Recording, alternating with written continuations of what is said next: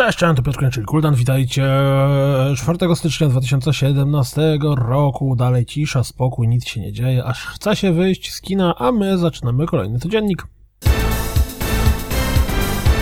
Forza Horizon 3 dostanie kolejną paczkę aut, tym razem powiązana z napojem Rockstar. Totalnie tego nie ogarniam, szczerze mówiąc, kompletnie. Dalej będzie Forza Horizon Red Bull Pack, no w sumie do Call of Duty jestem tam Monstery chyba, tak? Pamiętacie o Rime? To ta gra od Tequila Studios bodajże, która miała się nie pojawić, potem została być Exxon na PlayStation, potem anulowali coś tam, straszne rzeczy się działy. No w każdym razie pojawił się nowy zwiastun gry, a sama gra ma być dostępna na wszystkich platformach, znaczy PlayStation, Xboxie i PC w maju.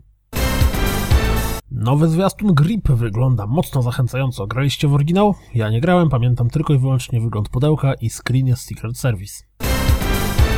Laura Kate Dale znowu dostarcza, być może, sprawdzone ploty.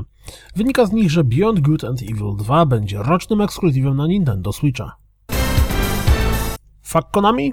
Cóż, wygląda na to, że zmiana nastawienia do produkowanych gier jest dla nich dosyć opłacalna, bo są najlepiej zarabiającą, znaczy najlepiej wycenianą, jeśli chodzi o akcję, japońską grą produkującą gry wideo. Japońską firmą produkującą gry wideo a w Anglii są dalej spore problemy z dostępnością PlayStation VR.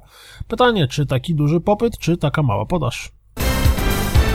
Tekken 7 będzie powiązany z Japońską Federacją Wrestlingu, a postacie z gry dostaną odpowiednie stroje, a my dostaliśmy taki specyficzny zwiastun.